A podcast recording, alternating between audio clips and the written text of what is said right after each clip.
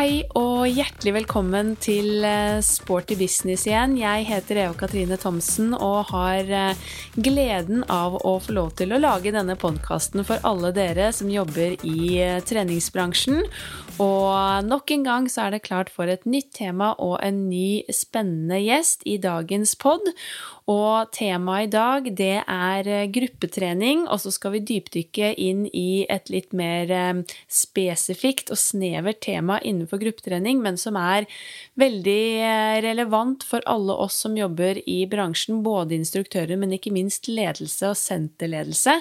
For vi skal snakke om prekoreograferte gruppetimer og fordeler og ulemper med dette og lisensierte konsepter kontra det at instruktørene kan lage gruppetimene sine selv.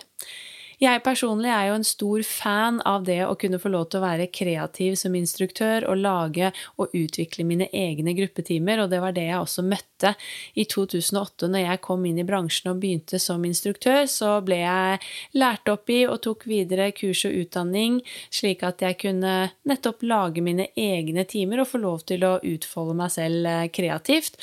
Og det var jo noe av det jeg elsket med gruppetrening og jobben som instruktør. Senere så har jeg også vært borti prekoreograferte timer, og i dag så holder jeg også kurs i Somamo, som er et svensk treningskonsept som er prekoreografert. Jeg har ansvaret for det i Norge sammen med min kollega Silje Torstensen.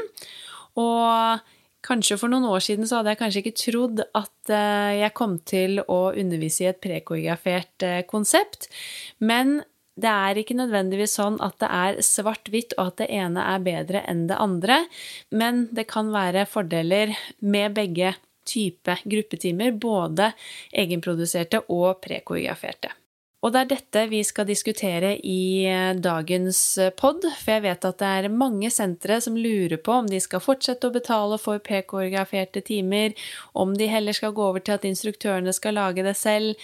Jeg selvfølgelig er jo da glad i å lage timene selv, og vi oppfordrer alle instruktører til det, for det gir deg et utrolig eierskap til gruppetimene dine, og det er også kostnadseffektivt for treningssenteret. Men eh, det er også masse positivt med ferdige konsepter. Så dette skal vi eh, diskutere i dagens pod. Og sammen eh, med meg så har jeg Andreas Mjøen. Han eh, jobber til daglig som bioingeniør, men har et brennende engasjement for gruppetrening og har vært i bransjen lenge. Og jobber også som foreleser i Inspartum Akademi, og sammen så diskuterer vi nettopp eh, fordeler og ulemper med prekoreograferte timer versus egenproduserte, og prøver å gi dere der ute forhåpentligvis noen gode tips og råd for hva man skal velge innenfor gruppetrening. Så jeg håper at eh, du setter pris på episoden. God lytt! Så hjertelig velkommen til eh, Sporty business, Andreas. Jo, kjempekjekt å bli invitert. Veldig, veldig hyggelig. Eh, jeg hadde jo en prat med Silje Torstensen for en stund siden hvor vi snakket om eh, gruppetrening, men nå blir det jo egentlig en sånn litt god, deilig gruppetreningsprat igjen sammen med deg. Men vi skal snakke om et annet spennende tema innenfor gruppetrening. Men gruppetrening er jo vår store lidenskap for begge to, så jeg gleder meg til den samtalen her. Ja, det skal bli, det skal bli en spennende og kanskje litt eh, provoserende samtale for enkelte, men eh, det er noe, noe som er et gøyalt tema, syns i hvert fall jeg. Mm, absolutt. Jeg gleder meg. Og du jobber jo bl.a. også sammen med meg i Inspartum Akademi eh, og underviser. Men for de som ikke kjenner deg så godt, kan du fortelle litt om hvem Andreas er, og bakgrunn og utdannelse, og kanskje også hvordan din vei inn i treningsbransjen var? Eh, jeg har jo alltid spilt håndball siden jeg var si, sju år. eller noe sånt. Eh, men når jeg begynte på høyskoleutdanninga mi som bioingeniør, så ble på en måte tidsklemma en utfordring. Eh, og da forsvant jeg egentlig ut av idrett. Eh, men når jeg begynte i min første jobb på Vestlandet, så var det en kollega på jobb som dro meg med på gruppetrening. Og da havna jeg da som han første på første rad. Eneste mann. Kom også for seint for øvrig til dance aerobic. Fikk panikk. Flykta. Eh, og endte opp på bodypump. og der begynte jeg vel å merke både utviklingen og gleden av det som alltid har stått meg nært i forhold til gruppetrening, og det er jo samhold. og, og kollektive målsetninger, det å på en måte jobbe sammen. Uh, og etter hvert der så ble jeg en del i bodypump-verden.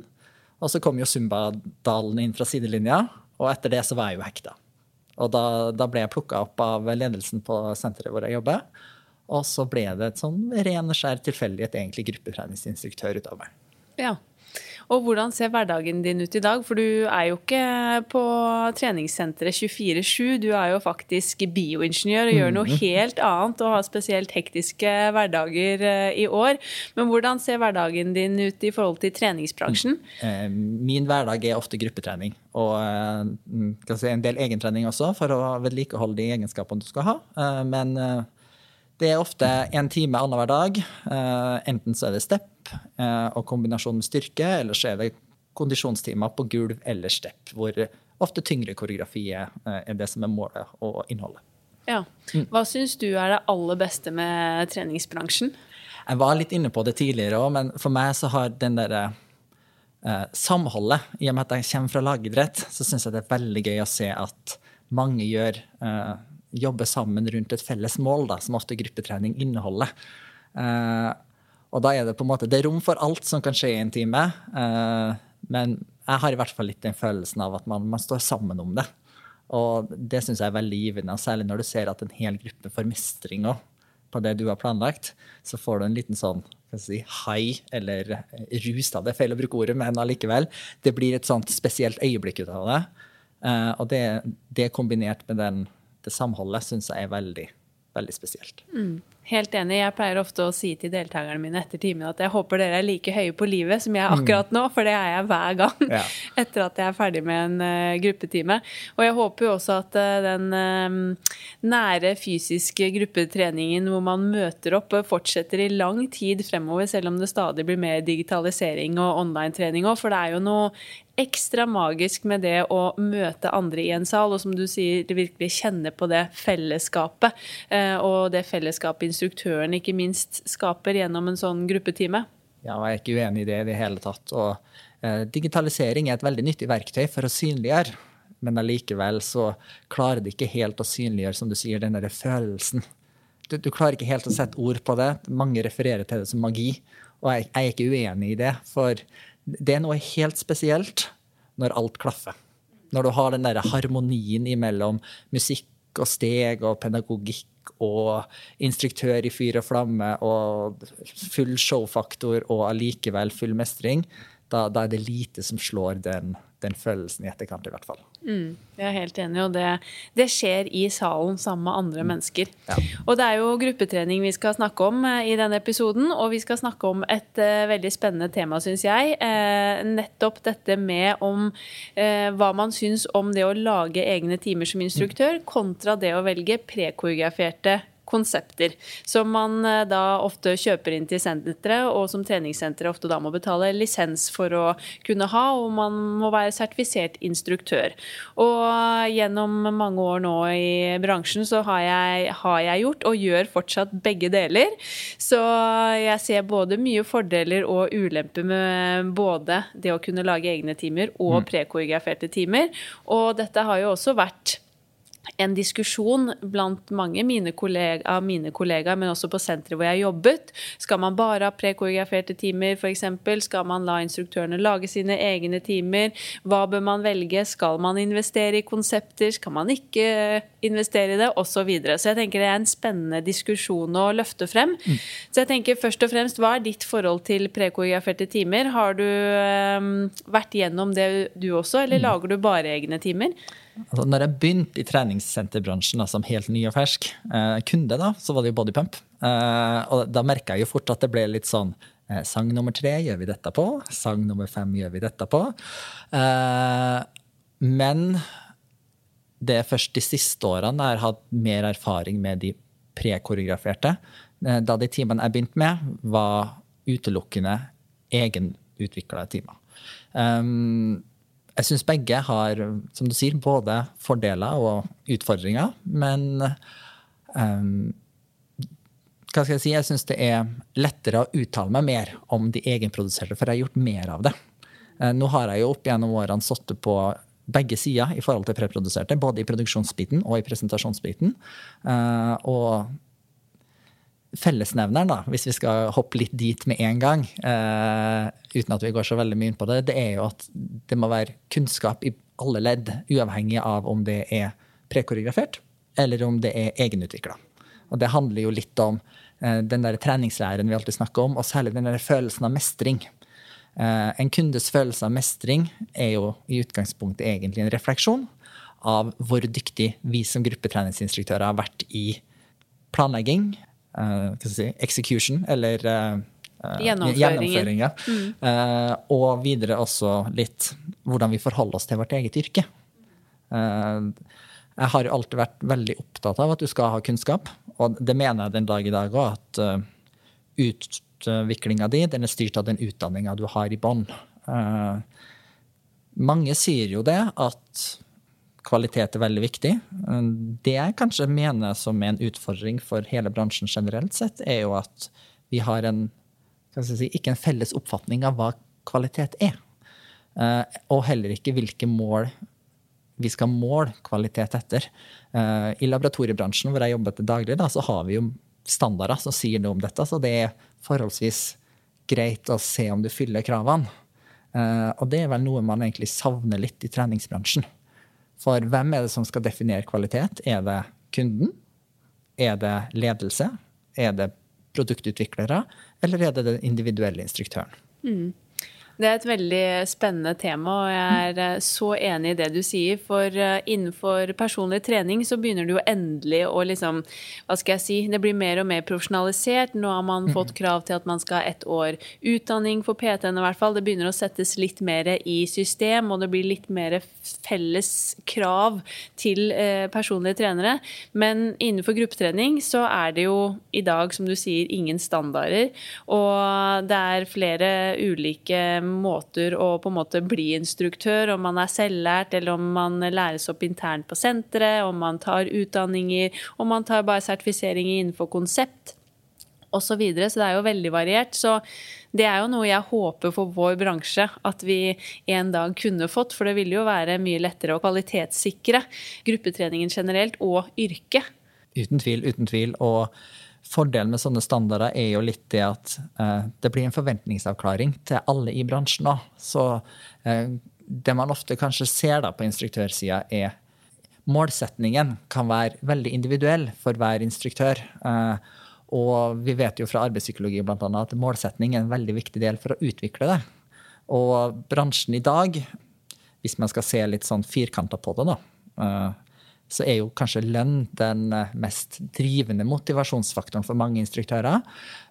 Og det er jo en diskusjon i seg selv som vi ikke skal gå så veldig inn på, men det er jo ikke akkurat motiverende for prestasjonen din hele tida. Eh, så man må jo klare å få en standard som synliggjør hvordan du skal motivere instruktører til å utvikle seg. For eh, både prekoreograferte og egenproduserte timer krever jo en del både forarbeid og innlæring osv. Men målsetningen om hvor skal du videre, er jo den som er en utfordring å få klarlagt. For uh, du må ha en viss utvikling som instruktør. Uh, det kan du ha både på prekoreograferte og uh, egenproduserte. Men allikevel så må man gå litt i seg sjøl og si noe om hvor vil jeg som instruktør. Mm vi alle har jo en, et iboende ønske i å stadig utvikle oss og tilnærme oss ny kunnskap. Det vet man jo, så vi liker jo å utfordre oss og eh, bygge ny kompetanse og mestre ting. Og da er det jo veldig givende å se, ha et mål og liksom bestemme deg for at en dag så skal jeg dit, og så har du noe konkret å jobbe etter. Jeg husker jo selv når jeg begynte som instruktør og på en måte tok utdanning og kurs og ble også opplært internt, men det var jo først når jeg kom på min første første convention hvor jeg skjønte hva dette her egentlig handlet om. Og jeg tenkte at shit! Sånn er det du skal levere gruppetrening. Og opp på den scenen, dit skal jeg en dag. Og det var jo målet mitt i mange, mange år. Og jeg var jo ekstremt høy, og som du sier, nærmest rusa på lykke. Den eh, gangen jeg da husker jeg fikk eh, tilbud om å ha time på NIH Fitness, heter jo da NIH Fitness mm. Convention, for første gang. Det var jo da et av mine store mål som jeg hadde jobba knallhardt for å nå. Eh, og det var jo på en måte på den tiden også før hvor det var flere store conventioner, så var det jo det som ofte da var kall det litt av denne standarden da, som satte kvaliteten, og man hadde virkelig noe å strekke seg etter. Og det kunne jeg ønske at det ble mer av igjen. Mm. Og det, det, er jeg ikke uenig i, men allikevel så skal vi uh, alltid huske på at målsettingene vil være individuelle for alle instruktører. Og jeg, jeg syns det skal være rom for alle instruktører med alle sine mål og ønsker, for bransjen vår skal jo omfavne alle. Eh, så jeg tenker på arbeidsgiversida så er det en del jobb å gjøre i forhold til både rekruttering, men også i forhold til oppfølging. For man kan jo snakke veldig mye om kvalitet og standarder for kvalitet, men en viktig del av oppfølging i forhold til kvalitet er jo litt, som vi var inne på tidligere, hvem bestemmer hva som er god kvalitet, men også hvordan skal man følge opp. For det det er ikke til å stikke under en stol at de administrative rollene på senter, som før ofte var drevne instruktører, eh, og det var tid til oppfølging, nå har blitt erstatta av veldig mye administrativt. Veldig mye eh, kostnadsbesparende arbeid framfor den derre lokale kvalitetssikringa som var før i tida. For preproduserte og egenkoreograferte timer kan være fantastisk. Men hvis kvalitetsoppfølginga ikke er der den skal være, så har man fremdeles ingen garanti for hva som skjer i sal, uavhengig av hvilken standard som finnes. Veldig godt poeng og godt sagt.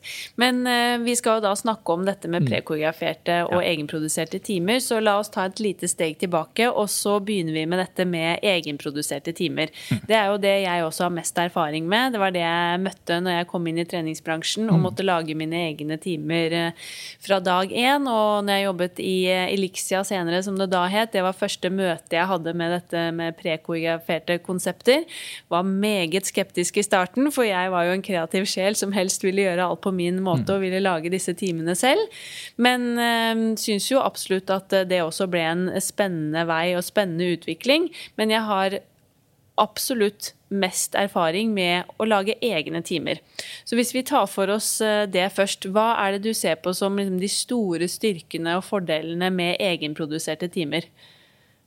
Sånn utelukkende så mener jeg at det er eierskapet til produktet det er noe spesielt som skjer når du lager din egenproduserte time. Eh, da har du på en måte valgt musikk sjøl, du har valgt sammensetning sjøl, du har brukt den kunnskapen du har. Så, så, det er kanskje feil å si det, men det blir en ekstensjon av deg som person. Eh, både på godt og på vondt. Du, du gjør deg jo veldig naken hvis noen ikke liker det du har laga. Eh, men det gir òg en mye større bekreftelse når du treffer målet ditt. Det, det krever en del av det. Eh, det krever bl.a. utdanning. Eh, det krever at du har praktisert det over tid, for du blir jo bedre jo oftere og lengre du gjør disse eh, egenproduserte timene. Noen vil nok beskrive det som utfordrende i den forstand at det krever for mye av det. Men noen ganger så havner man da i den diskusjon om målsetning, altså målsetning fra ledelse, personlig målsetning osv. Eh, men jeg tror ikke nødvendigvis det er en begrensning, hvis du klarer å rekruttere de instruktørene som har virkelig den derre både talentet, men også driven for å levere et produkt som de virkelig føler at det er noe de kan stå inne for. Ja. Er, man må virkelig ha den driven du snakker mm. om. For man må legge ned utallige timer mm. til å finne musikk, til å kanskje mikse musikk, til å lage denne timen, til å forberede seg, til å øve. Det tar ganske mange timer før man på en måte står i salen og faktisk presenterer den timen for eh, kundene. Men den følelsen du da får, når du endelig, er i mål og eh, kan, som du sier da, eh, presentere ditt eget eh, som du har laget, og som du har skapt, og som du har lagt masse tid og energi mm. ned i, det um, syns jeg er helt unikt. Ja. Eh, så det er jo den store fordelen, vil jeg si. Og at man får, som du nevner, at instruktørene får eierskap til det. Og at de instruktørene som er kreative, sprudlende, som har masse å gi, og som har lyst til å bidra, de får lov til å være kreative og får lov til å utvikle seg, teste nye ting. De blir ikke styrt av ulike rammer, f.eks. Så jeg har jo elsket å lage mm. egne timer i alle år, selv om det tar mye tid. Men da må man også være ærlig som instruktør med seg selv. Er jeg villig til å legge ned all den tiden det kreves? Mm. og så må også vil jeg si ledelse forstå at det også tar mye tid å lage sånne timer. Og mitt ønske til bransjen i fremtiden er jo også at instruktørene kanskje kan få litt lønn for all den tiden vi bruker på å lage disse timene. Men per i dag så er det jo ikke sånn, så da må man som instruktør også ta et valg. Eh, har man lyst til å bruke fritiden sin på dette eller ikke? Og hvis man ikke er villig til det, så tenker jeg at da er kanskje ikke egenproduserte timer helt for deg. Nei, og det, det, med valg er jo en veldig viktig del av instruktørrollen. For du ser jo at um, med dagens etterspørsel da, fra kunder. For man, ser jo uh, at kundegruppa kan være veldig fornøyd hele tida, men jo mer du øker din kvalitet og erfaring, jo mer kravstor blir også kundegruppa etter hvert. Og det, det, er jo fascinerende når de forventer mer av deg, så må du òg levere mer og bedre, og alltid på en måte utfordre det. Og da havner man jo litt i den problemstillingen hvor langt jeg er villig til å gå. Og mange har lyst til å gå all the way. Og det som kan være litt sånn en, en utfordring med disse preproduserte, det er at eh, det tar veldig mye tid i begynnelsen. Og i begynnelsen også er du veldig inni din egen lille boble. Det er på en måte eh, jeg skal treffe en ener, jeg skal ha en overgang, jeg skal klare signaliseringa mi. Eh, men det skjer ikke så mye kommunikasjon til andre enn dem på første rad. Så mange vil nok merke med tid, da, som kanskje er poenget mitt, så vil du få en veldig stor gevinst av egenproduserte timer. Får du høste det du har sådd i begynnelsen av egeninvestert tid. Da. Mm. Og så står man jo veldig fritt til å legge opp timen sånn som man ønsker, og man står jo veldig fritt til å gjøre mm. alternativer. Og det tenker jeg er en av de store fordelene med egenproduserte timer. Mm. At man kan virkelig se an kundegruppen sin og lage en skreddersydd time til den gjengen man har med på gruppetimer hver uke. Og man har også mulighet og lov til å gå utenfor liksom det man har satt opp. For i prekoreograferte konsepter så kan det jo være at du ikke har på en måte noe alternativ. Du må gjøre eh, det som står eller som vises på den videoen du har fått tilsendt. Mens lager du egne timer, så kan du jo se an gruppen din der og da, og se at her trenger jeg faktisk å gi et par et alternativ, eller kanskje jeg må skalere ned hele timen, eller opp hele timen. Og det er jo et utrolig fint verktøy når man jobber som gruppeinstruktør og kan virkelig liksom individualisere og gjøre timen enda mer tilpasset deltakerne. Ja, akkurat det du beskriver der i forhold til um, fleksibilitet, er jo noe du virkelig har god nytte av når du har egenproduserte timer. For du har hatt en grunnleggende plan hele veien, så du har muligheten til å bytte ut underveis og virkelig gi det du beskriver som den opplevelsen av en individualisert time. I disse preproduserte timene så er det jo ofte et veldig veldig strengt manus som ikke helt gir deg den muligheten du skal på en måte bare gjennom. Og så håper vi på at det går bra. Mm, helt klart. Og vi jobber jo med en gruppe mennesker, så vi klarer jo ikke å tilpasse sånn som en PT kan gjøre med sin kunde i én-til-én-relasjon. Men vi skal jo prøve å legge til rette så langt det lar seg gjøre for alle de man har med på den gruppetimen, og prøve å være årvåken og se an gruppen. Og det er det jeg ser som en stor fordel med det å kunne lage egne timer. Da kan du virkelig få det til å passe gruppa di, men også senteret. For mm. treningssenteret har jo også veldig ulike kundegrupper. Eh, bare sånn som i SIO Atletica, da, hvor jeg jobber hvor det er 90% studenter. Alle er veldig spreke og syns at alt er gøy, og jeg kan virkelig liksom leke meg og være kreativ og kjøre på med koreografier og være ganske sprø. Så er jeg på et eh, mindre treningssenter, eller sånn som Kondi Stovner, som jeg begynte på i 2008. Mm. Et helt annet klientell, også mye mer voksen kundegruppe, eh, som ikke Jeg kunne ikke gjøre like mye kanskje sprø ting der, og måtte også ha flere alternativer, eh, fordi at kanskje flere var eldre, eller man tenkte, trengte ulike tilpasninger. Eller man er kanskje på et annet senter som har en annen type kundegruppe, og som ønsker noe annet. Og da kan man jo også, ved å lage egne timer, virkelig tilpasse hva selve senteret og kundegruppen på senteret vil ha. Og det tenker jeg er jo en stor fordel for hele treningssenteret. Ja, uten tvil. Og det, da er vi nok en gang tilbake på dette ikke én for alle og alle for én, men fellesskapet i fokus. Og det som man ser kanskje med de egenproduserte timene, er jo uh, særlig sånn som på det senteret jeg jobber, at de omfavner likevel én type gruppe, uh, men det er mer produktbasert. Uh, som det ofte er med de preproduserte, men allikevel så har du på en måte den gruppen som vet jeg vil ha enkel koreografi, høy treningseffekt. Og så har du den lille bolken fra midten av 90-tallet og ut, som på en måte vil ha mest mulig koreografi, mest mulig armer, bein og fotskifter, og fra toppen-timer. Og jeg, jo, jeg, kjører jo begge eh, på mitt senter i Haugesund, og der ser jeg et sånn klart klientellutskifte. Fordi at kundene vet hva de vil ha, men allikevel så er de villige til å omfavne som egenutvikla egen timer. Da. Og det, det, er en veldig gøy ting du sier i forhold til det at vi kan omfavne alle, men allikevel så kan vi skreddersy de egenproduserte timene våre imot de spesifikke kundegruppene som faktisk deltar. Ja.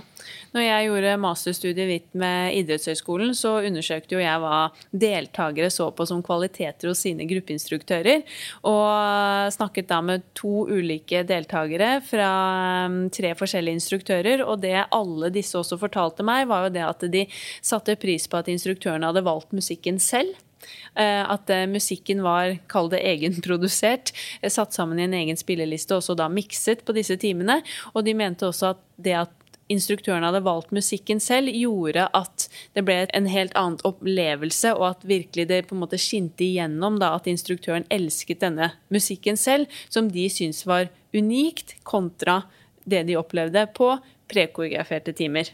Mm. Og det er jo enda et punkt, tenker jeg. At eh, det blir jo mer personlig, og man kan sette mer personlig preg på det. Og autentiske instruktører, det ser man i idrettsforskningen er eh, verdsatt blant deltakerne på gruppetrening. Mm. Ja, ja. Og det som, det som, er veldig spennende, da, det er jo at uh, hvis du skal se litt sammenligne dem opp mot hverandre, så har du de egenproduserte.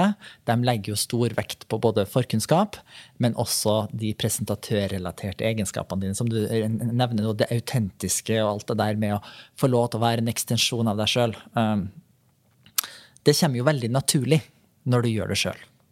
Uh, og det å produsere og velge musikk og alt det der fra scratch gjør at du fra begynnelsen av har et forhold til det. Men hvis du skal se det i forhold til de prekoreograferte timene, da, som utelukkende faktisk har stor fokus på dette med autentiske instruktører og dine egenferdigheter i den presentatørrelaterte rollen, så har du jo egentlig større utfordringer der, men må være mer komfortabel med å vite nøyaktig hvem du er som instruktør. Fordi du må klare å gjøre noe som ikke er ditt, til ditt. Som du får gratis fra de egenproduserte timene. Så, så du kan jo, hvis du switcher dem litt opp imot hverandre, da, så har jo eh, begge to en plass. Uten tvil, for den eh, prekoreograferte er jo tidsbesparende. Du, har på en måte, du lærer noe, eh, du har et forhold til det, du gjør det, og så må du være sprudlende og fantastisk når du gjør det. Eh, mens eh, den egenproduserte tar lengre tid, men du får en del ting gratis som du kanskje må planlegge vesentlig mer i en prekoreografert time. Helt enig. I forhold til eh, da egenproduserte timer som vi nå har snakket om, så vil jeg oppsummert si at det er jo på en måte det unike og kreative og det utrolig morsomme med å kunne lage og skape egne timer som er en stor fordel. At man får eierskap, at det er veldig fleksibelt, sånn at man kan tilpasse det både kundegruppen, men man kan gjøre, legge til rette for alternativer underveis. og man kan leke seg med musikk og virkelig la sin egen personlighet eh, skinne igjennom, noe som deltakerne setter stor pris på. Mm. Men utfordringen er jo at det må være kunnskap og utdanning i bånn, fordi det krever jo mye å kunne lage egne timer som gir deltakerne mestring, og ikke minst gir dem den treningseffekten som de forventer, eh, og som de kommer for. Så det er jo utfordringer også med å kunne lage eh, egne timer. Og som du, vi har allerede har snakket om, det tar mye tid. Du må være villig til å legge ned den tiden, og det er tid du ikke får betalt for. Men du får betalt eh, litt ekstra gjennom den deilige energien du får da, fra deltakerne dine når du kommer og eh, presenterer timen din. Så jeg vil jo si at det er jo veldig mange fordeler. Og i tillegg så er det jo kostnadseffektivt for treningssenteret, fordi du ikke trenger å betale eh, for en lisens, eller får da eh, ulike kurs som kanskje også instruktørene må gjennomføre eh, jevnlig for å kunne ha tilgang til et treningskonsept. Så det er jo eh, kostnadseffektivt for treningssenteret at instruktørene lager timene selv. Men i forhold til eh, disse prekoreograferte timene, som vi allerede har jo vært litt inne på, hva vil du si er de store fordelene med de type timene? Det blir jo da det, det, det du slutta med i forhold til tid. Uh, du får jo allerede et produkt levert. Uh, og for mange i en travel hverdag, særlig når det skjer ting i livet som barn og familie og andre utfordringer, så er det kjekt å ha muligheten å strekke seg etter noe hvor du rett og slett kommer til duk og dekka bord. Du er en komfortabel instruktør, du vet nøyaktig hvordan du skal eie det, og får lov til å bare bruke minst mulig tid, men allikevel få gleden av magien i salen. Um, for nye så kan det òg være et veldig nyttig verktøy i forhold til det å uh, lære seg hvordan en time bygges opp. Uh, særlig hvis du har et talent og forstår de grunnleggende elementene. Uh, så er du raskt oppe og går med en time, og så kan man heller jobbe videre med å lære deg både det med forståelse, det med utvikling. Så det er et veldig nyttig verktøy både i tidsbesparende enhet, men også i opplæring av nye, uh, som gjør til at det er uten tvil en plass for det på alle time, uh, gruppetreningstimeplaner. I tillegg så får jo kunden uh, et veldig godt forhold til hva man faktisk får av vare. mange av disse preproduserte og prekoreograferte konseptene har jo eh, veldig typiske navn, som er veldig deskriptive for hva de inneholder. Og det gjør det jo litt lettere å velge og vrake fra menyen kontra en del av de kreative navnsetningene en del av våre egenproduserte timer kan ha.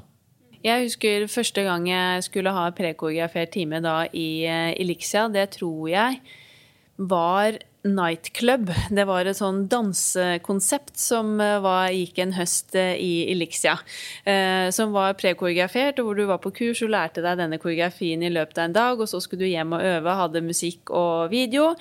Og da husker jeg tenkte at, eh, eller opplevde at jeg syns faktisk en sånn type time med trinn var nesten mer utfordrende å lære meg å pugge som no, noen andre hadde laget, som ikke var mitt eget. For mens jeg da lager det i en sal, så får du da eierskap til det Du på en måte lærer det med hele kroppen, og det er lettere å huske. Mens når jeg da bare skulle pugge noe, så var det veldig Altså da rota jeg enda mer og brukte nesten lengre tid. Men så har jeg jo hatt andre konsepter. I Elixia så hadde jeg Yoga Fire and Soul, som var en sånn yogainspirert time, som var enklere å pugge. Og så har jeg jo opparbeidet meg selvfølgelig også da mer erfaring som instruktør, og kjører jo i dag både egne egenproduserte timer, men også prekoreograferte, som f.eks. Somamo, som jeg også er kursholder i. Og en dansetime som heter AFO, som også er et svensk eh, treningskonsept. Så jeg gjør begge deler og ser selv eh, det positive med begge deler. Og som du sier, ikke minst dette tidsbesparende, for jeg ser jo jeg merket det allerede når jeg jobbet i Elixia, at jeg syntes det var deilig å ha noen timer jeg på en måte fikk servert, og så kunne jeg lage de andre selv. Og det samme er det i dag. Jeg syns det er deilig å også da kunne få noe, men lage det andre selv. Men ikke minst, det jeg også syns er veldig gøy med prekoreograferte timer, er jo at man får egentlig inspirasjon eh, fra noen andre. Og plutselig så får du trinn eller øvelser som jeg aldri kanskje hadde tenkt på selv, og så lærer man seg noe nytt, og så er det også en del av utviklingen. For min del så har det alltid vært viktig å kunne få lov til å gjøre begge deler, for jeg må kunne få lov til å være kreativ og skape. Jeg hadde mm, på en måte ikke holdt ut hvis jeg alltid skulle bli tredd sånne konsepter over hodet. Jeg må få lov til å gjøre begge deler, men jeg er helt enig med deg at begge deler har en plass. Men igjen så havner vi jo tilbake med dette med utdanning kompetanse. Eh, jeg er helt enig i at prekoreograferte timer kan være fint også som ny instruktør, men det er eh, også en utfordring i forhold til at man kanskje bare får servert noe, og så leverer man det helt ukritisk uten å stille spørsmål til hva det er man egentlig har fått i et konsept. Og så kan man kanskje gjemme seg bak prekoreograferte konsepter over lang tid uten å egentlig kanskje opparbeide seg den kunnskapen om hva man leverer. Ja, og Da er vi jo tilbake på den der standarden som vi snakka om litt tidligere. altså hva er det som definerer god kvalitet? Hvem skal definere kvaliteten? Eh, hva ønsker vi at den skal eh, beskrive. Så, så, der har vi en jobb å gjøre. Eh, hvis vi skal bitte litt tilbake til den prekoreograferten, prekoreograferte, så har du jo, særlig for oss som har gjort dette veldig lenge, så er det jo den gøyale utfordringen, som du sier med den få det tredd ned over hodet-varianten. For da har du to problemstillinger. Enten så kan du få det til å fungere, eller så kan du ikke få det til å fungere. Uh, og det er jo litt utfordringen med de uh, prekoreograferte timene. Det er jo å klare å få det til å fungere. Både for deg som uh, instruktør, men også i forhold til si, kundegruppe, senterutvalg osv. Uh, og det er jo en spennende oppgave for dem som allerede har tilegna seg kunnskapen. Dem som allerede på en måte har alle byggesteinene. Hvordan skal jeg ta utfordringen? Mm. Og det husker jeg, det har jeg kjent på selv, bl.a. når jeg kjørte noen prekoreograferte dansekonsepter mm. i Elixia på den tiden. Det var jo det at det var f.eks. musikk på den releasen jeg fikk tilsendt som jeg overhodet personlig ikke likte, og hadde jeg hadde ikke selv valgt det til min gruppetime, og måtte virkelig jobbe med meg selv for hvordan jeg skulle levere og presentere dette for deltakerne mine, sånn at det ikke på en måte skulle skinne igjennom at dette liker ikke jeg, for det er jo ikke noe profesjonelt i den rollen du har. Og så ble det jo også en utfordring i forhold til ok, jeg liker kanskje ikke musikken akkurat nå, eller når jeg får den, men kan jeg da spille på noe annet? Kan jeg liksom gjøre noe annet med instruksjonen min, coachingen mm. min? Kan jeg gjøre noe annet spennende på timen? Kan jeg utfordre meg på en annen måte? Og det mm. husker jeg liksom ble en av, et av mine mål, da på de timene jeg fikk som jeg kanskje måtte jobbe litt ekstra med. Mm. Og så er jeg jo veldig glad i de prekoreograferte konseptene som har en viss frihet. For da kan man også være litt kreativ innenfor et konsept, og så blir man ikke sånn veldig låst til at det må være på den eller den måten, men da har man mulighet til å gi alternativer eller tilpasse litt som man selv ønsker. Og det syns jeg er veldig fint. Mm, det, det, er jeg helt enig i, og det som er veldig viktig med disse prekoreograferte timene, da, eh, i hvert fall sånn som jeg tenker, det egner seg til enkelte typer timekonsepter. Andre timekonsepter bør man rett og slett uh, kanskje ta en evaluering på. De finnes jo ikke så mye. Uh, særlig disse tunge koreografitimene hvor det er masse blokker og masse fiksfakseri. Uh, det er nok en grunn til at de heller ikke finnes, fordi det er en evalueringsbasert time hvor du kontinuerlig må vurdere kundegruppa di. Kan jeg gi dem mer? Må jeg ta det tilbake? Mens de prekoreograferte timene de er ofte disse enkle timene hvor du kjører øvelser som du sier, som er gjennomførbar, men du har fleksibiliteten til å modifisere si, belastningsnivået eller intensitetsnivået. Eh, og jeg tror nok Vi kommer til å ha dem på markedet ganske lenge, men jeg tror det kommer til å være et klart skille på hvem som eller hvilke produkter da, som kommer til å være uh, representert som prekoreograferte, og hvilke som kommer til å være egenproduserte. Men der må man jo tenke litt at um, tilbake til kunnskapen, at det teamet som sitter og prekoreograferer disse timene, må òg ha tilsvarende kunnskap og utdanning i forhold til denne standarden da, som vi har snakka om, for å sikre at produktet i seg sjøl har en god kvalitet.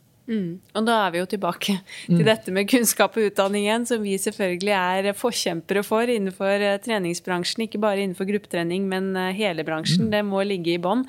Og i forhold til dette med da prekoreograferte timer, som du nevner at har man da fleksibilitet, så kan man jo igjen da gjøre modifikasjoner på timene sine.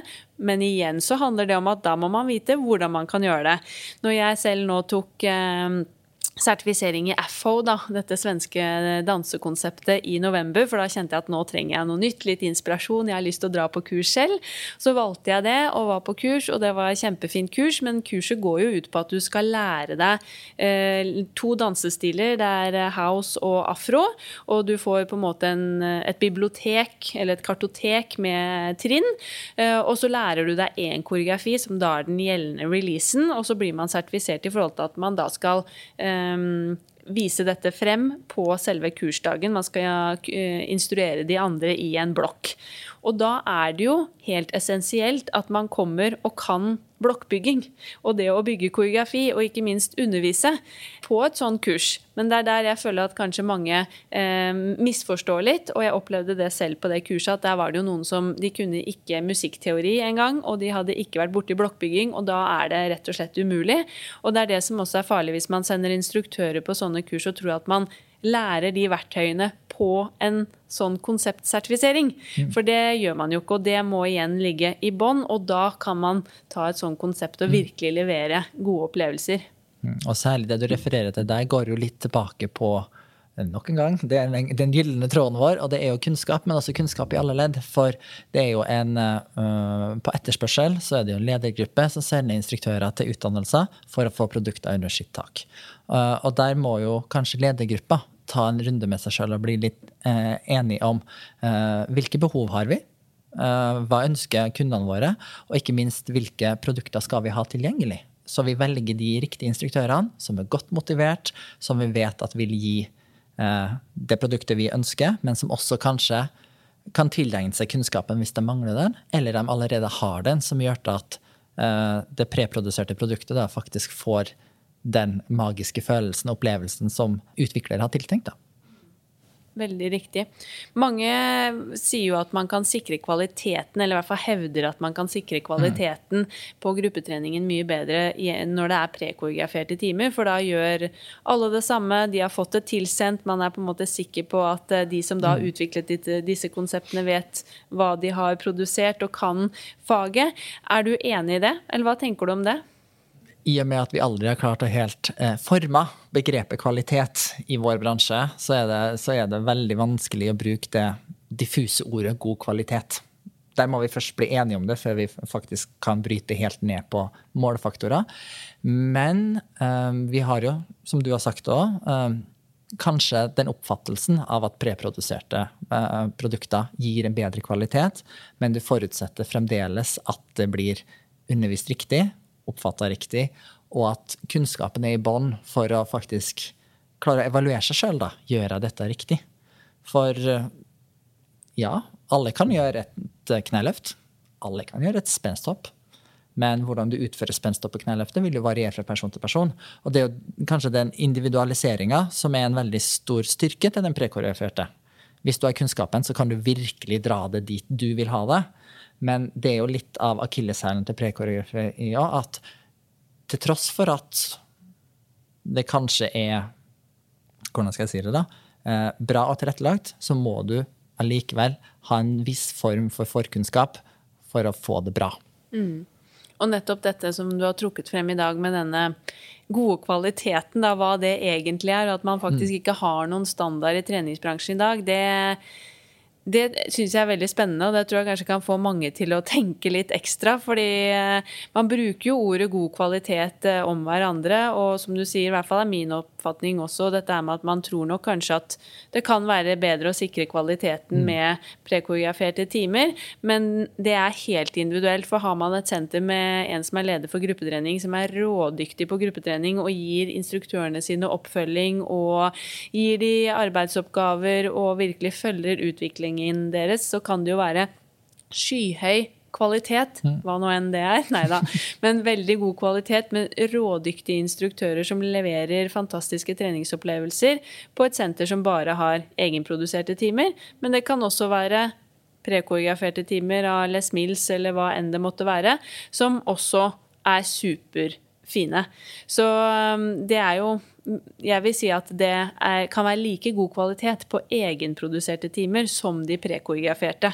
Men det handler om kunnskap og også hvem det er du blir fulgt opp av på, på ditt senter. Mm. Og så har du jo den, den tredje, kanskje litt wildcard-relaterte faktoren, og det er jo det at sammenligningsgrunnlaget må være til stede. Eh, om du skal sammenligne instruktør mot instruktør, produkt mot produkt, eller opp imot noe felles, så, så blir aldri kvaliteten si, han, blir, han, blir, ikke bedre enn den som evaluerer det. For en kundegruppe kan synes at kvaliteten er fantastisk fordi de får mestringsfølelse. Det er yndlingssangen deres. De får treningseffekt.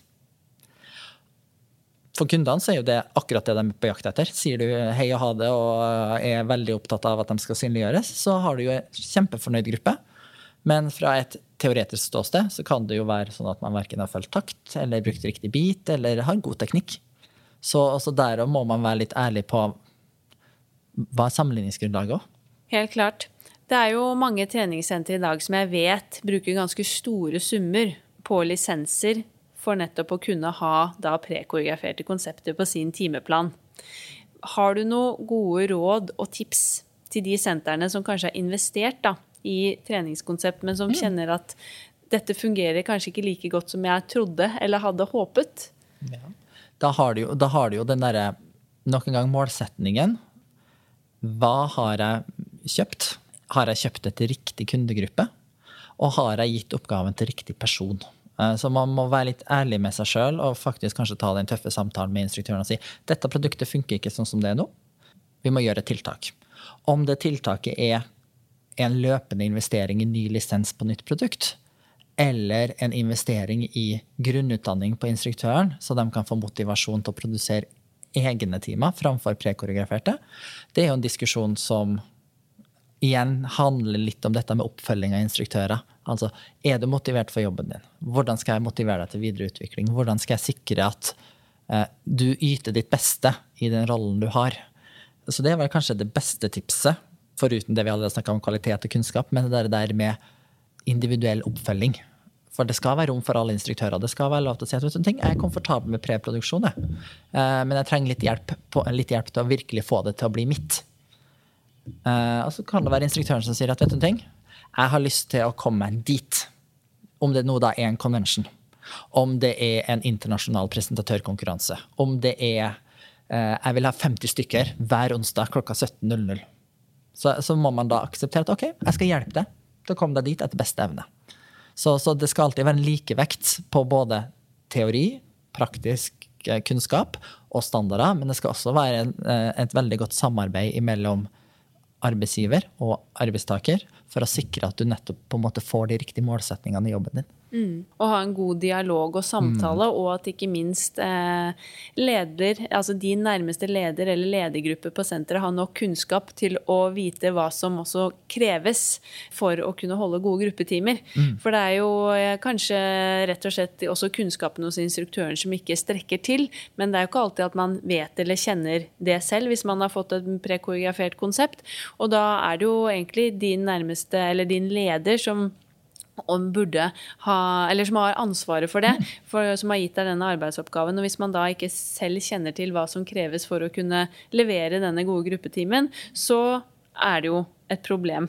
Eh, og det, det er jo min oppfordring og ønske også til bransjen, er at eh, man virkelig skal sette seg inn i de ulike delene på senteret, så man kan eh, Man trenger ikke å være liksom vet ikke om du skal kalle, altså, Jeg liker ikke ordet ekspert, men uh, man trenger ikke å, å, være rågod på alle områdene. Men skal man være leder og de som sitter på toppen, må i hvert fall ha god kjennskap til hva som foregår i gruppetreningssalen og hva som kreves for å lykkes der.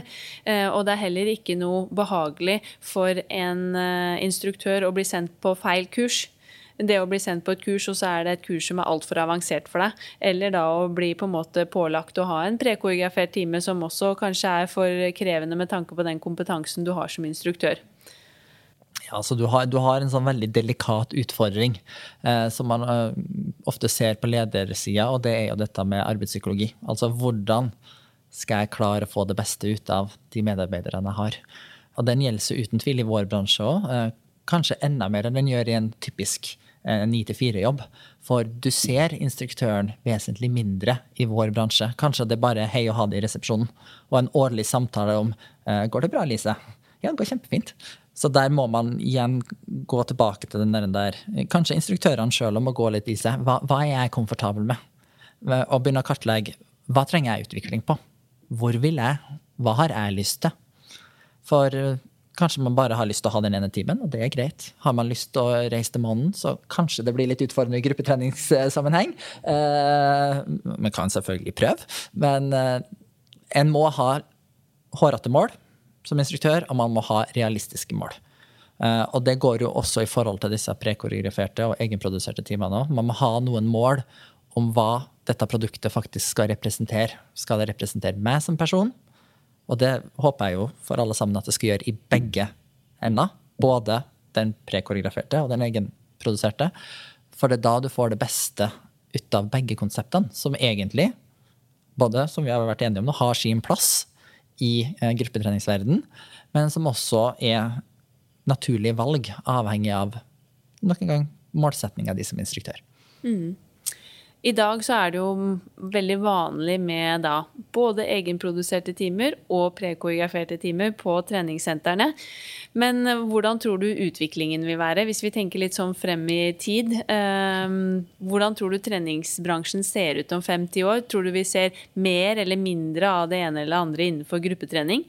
50 år. Uh, Fem-ti år. Ah, fem. Jeg syns du sa 50 år. Ja, 50 år. Du skal uh, slippe å spå så langt frem ja, okay, i tid. Ja. Det var lov å prøve. Sånn. Jeg skal bare konsultasere hofta mi. Nei da. Uh, 50 år. Jeg er jo redd for at den egenproduserte verden blir mindre og mindre og mindre. Fordi, som vi snakka om i begynnelsen, så er lønn dessverre den eneste uh, nasjonale motivatoren vi har. For det finnes ingen um, stor si, uh, arena utover det lokale treningssenteret og den lokale timen som man kan strekke seg etter. Vi ser jo allerede i dag at mange senter gjør kostnadsbesparende tiltak med å sentralisere produksjon.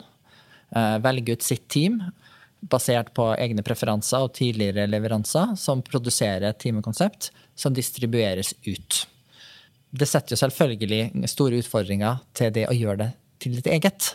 Men jeg er nok litt redd for at bransjen vår, dessverre, under de forutsetningene det er i dag, med, med målsetninger for instruktører, er en prekoreografert verden som venter oss fremover. Eh, trist, men sant. Det, det, kommer alltid til å være ildsjeler. Men eh, jeg er nok litt redd for at uh, den kostnadsbesparende biten dessverre uh, dominerer over over engasjementet og den brennende ilden som de få gruppetreningsinstruktørene som ennå eh, driver med egenproduserte timer, har. Jeg håper jo selvfølgelig på det motsatte, og jeg er en sterk, eh, sterk tilhenger av at alle skal kjenne på den fantastiske gleden jeg og du kjenner på hver eneste gang vi står der. Eh, men jeg er litt usikker på om det er gjennomførbart uten en stor kollektiv innsats. Ja, jeg tenker i hvert fall at vi to kommer til å være forkjempere for disse her egenproduserte timene alltid. Og vi i hvert fall mm. jobbe for det. Ja. Fordi jeg vet jo hvilken glede det å kunne skape ditt eget gir. Så jeg vil jo veldig gjerne kunne bidra til at andre kan mm. opparbeide seg den kunnskapen til å kunne skape noe eget. Mm. Og jeg håper jo at treningsbransjen eh, kan verdsette det og fortsatt eh, ha det på timeplanen i lang tid fremover. Men eh, det blir spennende, og det blir spennende å, å, se hvordan denne utviklingen kommer til å være. Eh, men jeg tviholder jo på disse egenproduserte timene og håper at begge deler får sin plass også fremover. For vi har jo konkludert nå med at eh, det fins mange fordeler og mm. kanskje utfordringer med begge typer timer, men de har eller begge to sin plass i treningsbransjen og på en mm. gruppetimeplan. Men i bunn og grunn så handler det mye om å kunne ha kunnskap og utdanning i bånn, sånn at man kan levere disse magiske treningsopplevelsene. Mm. Ja, og I tillegg til den kunnskapen da, så skal man jo aldri glemme en helt essensiell del av instruktøryrket. Og det er jo være deg sjøl. Så, så, ordner det meste seg hvis du har kunnskapen og alt det der i bånn. Men det å bare være seg sjøl, det er jo derfor det er en så stor del av hverdagen til mange. Fordi folk er folk, og folk liker å være sammen med folk. Og da, da, blir det bra hvis man har, har, gjort litt av jobben på forhånd, men allikevel tør det å være seg sjøl, så kommer man langt. Ja, Og det er et veldig kreativt yrke. Veldig. Og det er veldig, veldig gøy. Ja. Helt avslutningsvis så har jeg noen spørsmål som uh, jeg gir til alle disse gjestene mine okay. i podkasten. Vi har jo snakket mye om uh, hva som er bra med denne bransjen, uh, og det å jobbe i bransjen. Men er det noe du tenker at vi kan bli enda dyktigere på generelt? Treningsbransjen har jo alltid hatt et litt sånn stigmatisk bilde i forhold til kropp og alt det der. Allikevel så syns jeg vi skal bli mye flinkere på å synliggjøre fellesskapet. Altså de gode sidene med den flotte bransjen vi har. For det er dessverre veldig, veldig, veldig mye fokus på alt det som er ugunstig. Eh, fordi at det har store ringvirkninger, særlig for ungdommen nå til dags. Men hvis vi klarer å snu det til å si noe om uh, hvor viktig det er å stå sammen, hvor viktig det er å ha det gøy sammen og akseptere at OK, i dag så er dette mine forutsetninger, men jeg har allikevel kommet på trening fordi jeg har kanskje ikke en fantastisk treningsdag, men jeg har bare lyst til å være sammen med folk som har samme mindsettet som er. den tenker jeg er en veldig stor del av å klare å snu det litt frynsete ryktet vi har. Mm, veldig fint sagt. Er det noen du kunne tenke deg å høre i denne podkasten? Kan du gi meg et godt tips til en spennende gjest jeg kan invitere? En spennende gjest? Da må jeg jo i utgangspunktet få lov til å eh, si en liten sånn felles guru av meg og deg. Eh, han sitter jo i Sverige. Han har det flotte navnet Per Markussen. For han har eh, særlig god erfaring til disse egenproduserte timene, da han har vært på den internasjonale arenaen i mange, mange, mange år og har eh, veldig mange gode og faglige, tunge innspill til denne diskusjonen. Mm. Han er vel en eh, aller beste gruppeinstruktøren eh, egentlig vi har i Norge, men så har han flytta til Sverige, dessverre. Men eh, han er jo den store stjernen fra Tromsø. Stemmer det. Mm, så eh, helt enig, det hadde vært veldig spennende og gøy å ha med mm. Per i poden, så det må jeg få til. Jeg håper og tror at lytterne våre har fått en veldig spennende og interessant episode, og jeg tror vi har fått løftet frem både utfordringer og fordeler med mm. disse type gruppetimene, og at det kanskje har satt i gang litt refleksjon hos både ledelse og instruktører rundt omkring på sentrene. Og det er i hvert fall plass for begge deler. Det er helt sikkert. Så satte stor pris på at du tok deg tid til å skravle med meg om det vi syns er aller gøyest her i verden, nemlig gruppetrening i podden. Så tusen hjertelig, hjertelig takk, Andreas. Alltid like gøy å skravle med deg. Nok en gang, jeg vil bare si tusen takk for at eh, du tok deg tid til å lytte på en ny episode av Sporty business. Håper eh, det var litt spennende, og i hvert fall hvis du har et sånn brennende engasjement for gruppetrening som jeg har, så tror jeg du virkelig satte pris på denne episoden. Og jeg håper at du som leder på et senter også har fått litt mer innsikt i hva det kreves for å kunne lage egne timer, men også ikke minst det å kunne holde prekoreograferte timer. For det kreves også en god del utdanning i bånn for å kunne holde de timene og lykkes med det. Som alltid setter pris på tilbakemeldinger, så send oss gjerne en mail til hei at eh, sppod.no, eller selvfølgelig fyr løs i innboksen vår på Instagram at sportybusinesspodkast. Og du er hjertelig velkommen til å bli med i Facebook-gruppa vår Sporty Business. Vi poddes igjen om eh, to uker. Jeg gleder meg til å nok en gang levere en episode med en dyktig fagperson fra bransjen vår. Det er bare å glede seg ønsker deg en sporty og deilig dag videre. Vi poddes! Denne podkasten produseres av Inspartum Akademi og North Stories.